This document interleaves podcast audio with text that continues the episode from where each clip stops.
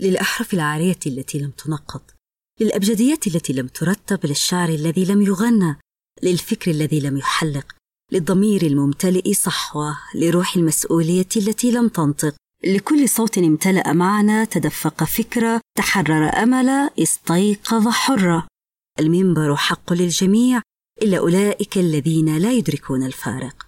أنا فريا المجدي وهنا منبر أحد منتجات قناة مستودع. كما نرجو منكم المساهمة في نشر الحلقة من خلال مشاركتها مع من تعتقد أن هذه الحلقة تهمه كما نود تذكيركم بأنه بإمكانكم المشاركة في كتابة نصوص حلقات بودكاست منبر أو التقديم من خلال التواصل عبر البريد الإلكتروني مستودع gmail.com ديم المطر حياة غيث.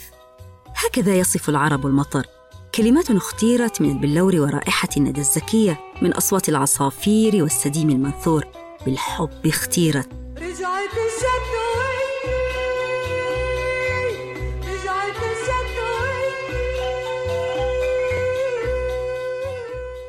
ومن منا لا يحب المطر ورائحة المطر وكيف لا نحبه؟ ونحن في هذه البقعة الجغرافية التي لا يطل عليها المطر إلا أياما معدودات يجيء متعبا بعدما جاب العالم ليسقينا قليلا. ليغيب ويعود لنا بعد صيف طويل من الشوق. نتحرى الشتاء ليأتي كاستراحة من لهيب شمسنا الحارقة. لنفترش أراضي الرياض الندية في ليالي المطر ونشكل لوحة فرح تغزو الأرض من أوديتها لهضابها ورياضها. نهجر بيوتنا لنصاحب المطر ونرقص على إيقاع قطراته. تنتعش الرياض بهذا الفرح المتناثر والبهجة العارمة تعانق زخات المطر حبة الرمل ويعانقنا المطر أحيانا أخرى. حينها تكون السعادة رمز المكان والرائحه الملهمة تكفي الجميع انتعاشا وابتهاجا. عندما يتلاقى المطر مع تربة الرياض في الشتاء تصدر منه هذه الرائحة التي نسميها رائحة المطر والتي أجمعنا على حبها صغارا وكبارا. ولكن لماذا رائحة المطر تحديدا في الرياض أكثر تميزا وتركيزا مقارنة بمدينة فيرفاكس الأمريكية التي يكون فيها تركيز رائحة المطر أقل حدة واحيانا بالكاد تظهر؟ كل هذا يندرج تحت عملية تحت عملية لنكتشفها سويا هنا.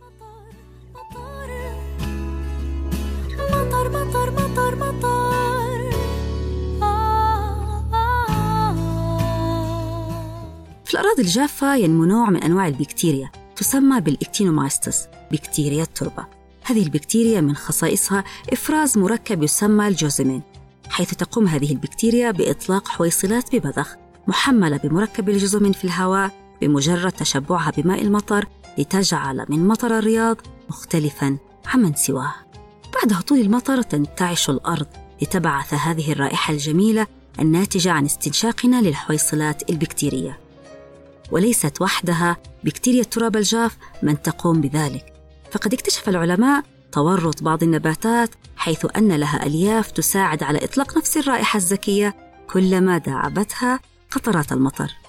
يزداد تركيز الرائحة بزيادة نسبة تواجد البكتيريا على الأرض الجافة وكذلك نسبة الغلاف النباتي الذي يحتوي على الألياف المتورطة. يقول الله تعالى في كتابه الكريم ويسألونك عن الروح قل الروح من أمر ربي وما أوتيتم من العلم إلا قليلا. مؤخرا اكتشف العلماء أن ضوء البرق يساهم في تعزيز رائحة المطر حيث يعمل ضوء البرق على تنقية الغلاف الجوي وتقسيم جزيئات المركبات المكونة للهواء مثل النيتروجين والأكسجين والذي بدورهما يتحدان مع المركبات الكيميائية المحيطة. يقال أن رائحة المطر تلهم الشعراء والكتاب لأنها تحسن أمزجتهم وتزيد شاعريتهم. مطر ناعم في خريف بعيد والعصافير زرقاء زرقاء والأرض عيد كما قال محمود درويش. مطر ناعم في خريف بعيد والعصافير زرقاء والأرض عيد ولأن رائحة المطر مريحة للأعصاب شرع بعض صناع العطور بإنتاج شموع وفواحات وعطور تحمل نفس رائحة المطر بمسميات مختلفة مثل Dust After Rain والتي تعني رائحة التربة بعد المطر. عاد المطر يا حبيبة المطر كالمجنون أخرج إلى الشرفة لأستقبله وكالمجنون أتركه يبلل وجهي وثيابي ويحولني إلى إسفنجة بحرية. المطر يعني عودة الضباب والقراميد المبللة يعني عودتك وعودة الشعر. نزار قباني. كأي صورة من صور الرحمة ينزل المطر يغسل أرواحنا قبل أجسادنا ينزل البرد والطمأنينة على قلوبنا ويطهرنا من دنس الأيام وقسوة القدر. في أمان الله.